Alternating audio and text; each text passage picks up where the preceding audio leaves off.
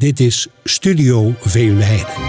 Met een veldreportage uit Studio Veenweide, aflevering 6, Monitoren. Studio Veenweide is een serie van het NOBV, het Nationaal Onderzoeksprogramma Broeikasgassen Veenweide. Om bodemdaling en uitstoot van broeikasgassen tegen te gaan, worden er maatregelen genomen, zoals bijvoorbeeld waterinfiltratiesystemen.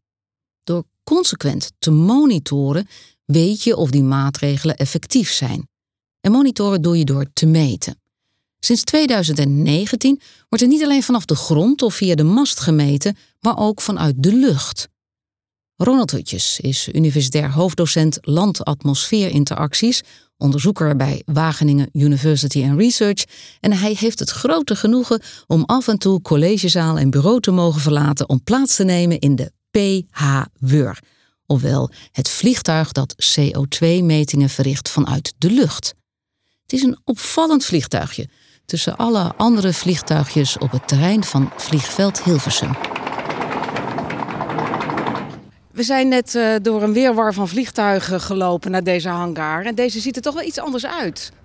Ja, het is, het is geen standaard vliegtuig. Als je uh, misschien wel ziet, het grootste verschil is eigenlijk wel dat de propeller achter zit. Ja, laten we even naartoe lopen. Ja. Veruit de meeste vliegtuigen hebben natuurlijk de propeller op de neus zitten. Maar als je bij ons ziet, uh, we hebben een hele speciale neus met de nodige apparatuur. De belangrijkste apparatuur zit voorop. En dat moet niet storen met de motor, met de propeller samen. Dus die hebben we uit elkaar getrokken. En vandaar dat we dit uh, speciale toestel hebben. Ja.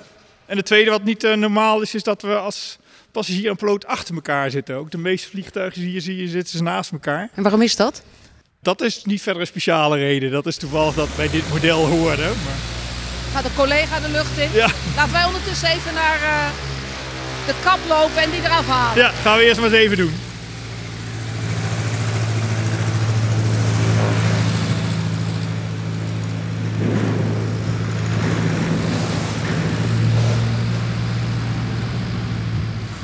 De kap gaat van de neus. Zie je dan ook al onmiddellijk het meetinstrumentarium? Ja, ja. Het eerste wat je ziet is de, de gas analyzer. Zoals we, dit is het instrument wat de CO2 meet. Het, het onderzoeksdoel van het hele NOBV-project. Dit ding meet CO2-concentraties. Hoe ziet het eruit? Het is een, uh, wat we noemen een open pad sensor. Dus eigenlijk is het een lichtbronnetje aan de onderkant. En aan de bovenkant een sensor. En de hoeveelheid licht die geabsorbeerd wordt door het CO2 is een maat voor wat er in de lucht zit dan CO2. En dat meet hij wel 50 keer per seconde. Uh, dat is heel vaak. En als alle instrumenten worden 50 keer per seconde uitgelezen. Omdat we natuurlijk als vliegtuig vrij snel door die lucht heen bewegen... en we toch alle variaties willen meemeten, moet dat heel snel. Maar dan meet hij misschien ook wel CO2 wat hij niet moet meten. Een enkele keer gebeurt dat. Een enkele keer als er een brandje op de front is of zo. Er wordt riet gebrand in het Veenweidegebied bijvoorbeeld. Dat heb je wel eens bij Roveen in de buurt. Er wordt riet gebrand. Ja, dan, dan vlieg je door een rookpluim en dat zie je direct. Ja, dat zie je direct. En dat corrigeren jullie achteraf? Ja, dat schrijven we dan op en achteraf uh, knippen we dat stukje ertussen uit. Ja. Dit is uh, het meest lullige instrumentje wat we hebben. Een uh, heel klein thermokoppeltje zoals dat heet. Een thermometer. Maar die is extreem belangrijk. Als het ding kapot is, dan hoeven we eigenlijk niet te vliegen. Uh, want die bol hier voorop die meet eigenlijk de, de windsnelheid in drie richtingen. Maar dat doet hij door druk, luchtdruk te meten. En om de luchtdruk om te kunnen rekenen naar wind moet je ook de temperatuur weten. Want de luchtdruk is ook afhankelijk van temperatuur. Dus het is het meest kwetsbaar, het meest simpele instrumentje wat we hebben. Maar eigenlijk is het de kern van het hele, van het hele meetsysteem. Dan lopen we naar een tweede groep. Uh, ja, als je dan achter op de vleugel kijkt. Onderdoor. Onder de vleugel door, ja. bukken. Kijk, dit uh, vliegtuig heeft een hoge staartvleugel. Zoals je ziet, aan beide kanten hangt een, uh, een, sensor die de hoeveelheid zonnestraling meet. De ene is meer voor de energie en de andere echt het, alleen het deel wat door planten wordt opgenomen. Want het probleem bij dit soort metingen, eigenlijk bij alle metingen die in, in, in, in de NOBV doen, is wij meten de, wat dan heet de netto CO2-uitwisseling. Maar dat is dus deels komt het uit de bodem, hè, de afbraak van het veen, maar deels ook van de vegetatie zelf. Het gras en dergelijke neemt het op. En, uh, een CO2-opname van vegetatie wordt vooral gestuurd door licht. Als het licht is, dan begint het te groeien en dan begint het suiker te produceren. Dus dat uh, is heel belangrijk om die, die hoeveelheid zonneschijn ook mee te nemen. Uh, en daar zitten nog wat meer instrumenten. Dat is de derde groep instrumenten. zitten onder de, onder de passagiersstoel, zeg maar. Een deel kijkt ook door de bodem nog naar beneden, naar, de, naar het grondoppervlak. En waar zit dat? Dat zit uh, hieronder. Dus we echt even op de knieën moeten. Een speciaal gat in de romp waardoor een aantal instrumenten naar beneden kunnen kijken. En dat is bijvoorbeeld een instrument om, uh, om de oppervlaktetemperatuur te kunnen meten. Uh, we hopen binnenkort daar ook een camera te kunnen plaatsen die continu vegetatieopnames maakt. Dit is verder niet beeldvorm, het is alleen maar een puntmeting. En er zit nog wat uh, speciale apparatuur in voor de piloot. Want het andere speciale waarom dit vliegtuig hebben, we vliegen heel laag. We vliegen maar op 60 meter, 200 voet zoals dat dan vliegtuigjargon heet. Uh, dus die piloot wel heel goed weten hoe hoog die precies zit. Boven obstakels, boven een hoogspanningsleiding of uh, een bosje of een boerderij of iets dergelijks. Dus uh, die heeft ook nog een extra hoogtemeter die preciezer is dan wat hij normaal in de vliegtuig zit. Omdat we zo laag vliegen. Indrukwekkend. Maar dan denk ik ook gelijk, waarom niet gewoon een drone? Die zijn tegenwoordig zo ontwikkeld. Ja, dat kan me goed voorstellen. Maar ja, kijk, een drone heeft de grootste beperking van een drone is dat hij kan een kwartiertje in de lucht blijven. Nou, een hele grote, misschien een half uurtje. En ja, daar doe je een paar veldjes mee. En wij vliegen honderden kilometers. We vliegen gewoon het hele Veenweide, het Friese Veenweidegebied in één dag. En dan hebben we 400 kilometer gevlogen of zo. En dan heb je een veel groter gebied. En dan kun je echt de hele gradiënt, bijvoorbeeld in, in veendiktes of veentypes die je in zijn gebied uh, vindt, kan je daarmee coveren. En dat kan je met een drone nooit. Dan blijf je op één veldje beperkt. En dat, uh, dus dat is het grootste verschil eigenlijk. Dan openen de cockpit. Zoals je ziet, uh, twee stoelen achter elkaar. De voorste is voor de piloot. In principe kan de passagier ook sturen. Alle instrumenten zitten ook achter.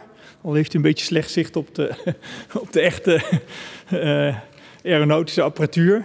En onze eigen apparatuur zit uh, onder de stoel. Die zal ik zo eventjes blootleggen. Daar kan ik daar ook net even wat over vertellen. Het leuke van dit soort kleine vliegtuigen is allemaal redelijk low-key. Dus je haalt gewoon de, de ruiten uit. Als je ergens bij wilt. Waar zit hij nou?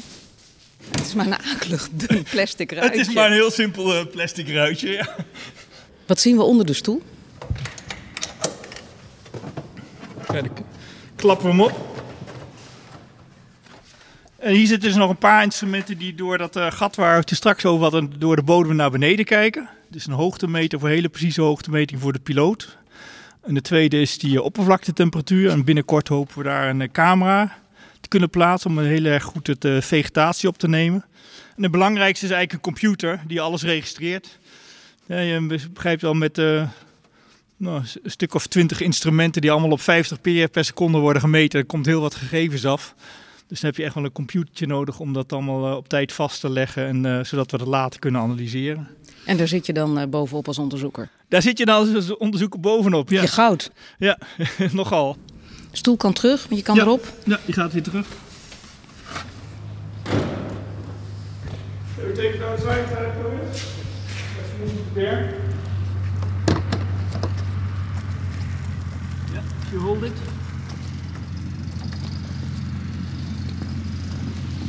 Het vliegtuig uh, wordt naar buiten gereden vanuit de, de, hangar, klaargemaakt voor de vlucht naar uh, Rauwveen. Ronald gaat uh, als enige mee met de piloot, want er kan er maar één mee. Ik zal hem mijn apparatuur geven en hij geeft ons een beschrijving van wat hij ziet als onderzoeker vanuit de lucht van het gebied rondom Rauwveen. En zijn observaties gaan dan weer mee met alle meetgegevens die de apparatuur ons gaat geven na opname.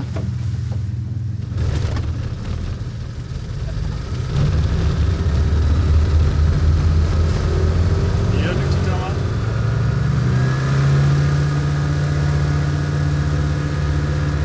De vol gas voor take-off.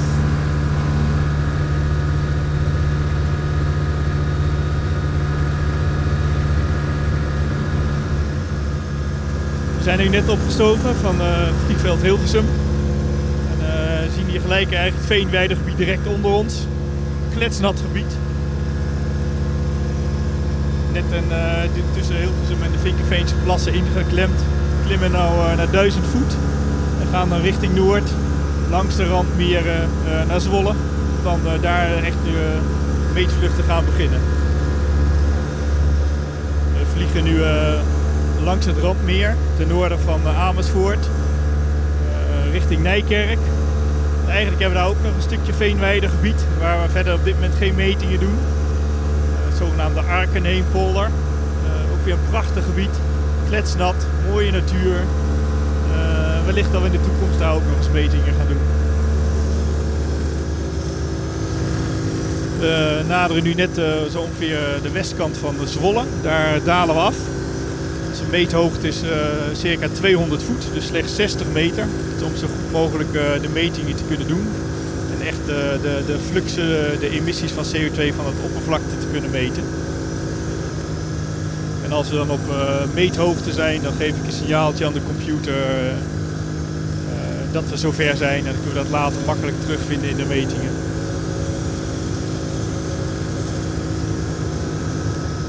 We zitten nu op meethoogte. Dus we hebben uitstekend zicht op alles wat er onder ons gebeurt. Het is nog goed te zien dat de afgelopen dagen erg nat is geweest. Veel velden staan nog flinke plassen op. Het slooppeil is natuurlijk altijd vrij hoog feit dat het zo nat is, is uh, nog wel weer speciaal voor deze vlucht. Prachtig gebied. We naderen nu de samenvloeiing van de, de Overijsselse Vecht in het Zwarte Water. Een paar weken geleden was dit gebied echt nog helemaal kletsnat. Stond het helemaal onder water. Nu ziet het er ietsje droger uit. Uh, maar het is wel duidelijk waarom dit uh, de Nederlandse wetlands heet.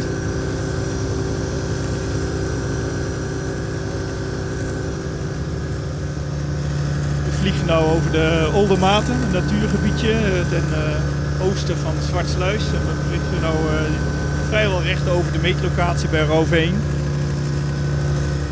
Daar komt de meetlocatie al in zicht. We zien een weiland ingeklemd tussen een paar sloten. met erop twee meetplots. Uit de lucht heel goed te zien. Met het vliegtuig zijn we daar natuurlijk in de oogwenk overheen. Maar we meten deels precies dezelfde variabelen als op de grond. Waardoor we straks de metingen van het vliegtuig mooi kunnen terugkoppelen naar de metingen op de grond. Een vluchtje eenden onder ons.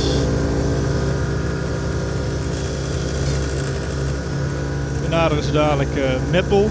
Dat is een beetje het eind van ons metentransect. Dan hebben we stuk of twintig lijnen gevlogen. Allemaal ongeveer uh, zuidoost naar noordwest uh, georiënteerd. Het is bijna het eind van het traject en we stijgen we zaak weer op naar 1000 meter voordat we terugkeren richting vliegveld Hilversum. En zo keren Ronald Hutjes terug op de grond om ons vervolgens mee te nemen naar de EC-mast in Zegveld. En dat is een reportage over het meten op drie niveaus en het monitoren in de toekomst. Ook te beluisteren via de NOBV-website en de podcastplatforms. Die reportages zijn een onderdeel van Studio Veenweide, waarin ook studiogasten hun kennis delen over de opgaves in de Veenweidegebieden. En verder wijs ik je ook graag op Studio Veenweide de Verdieping, waarin verschillende colleges te beluisteren zijn.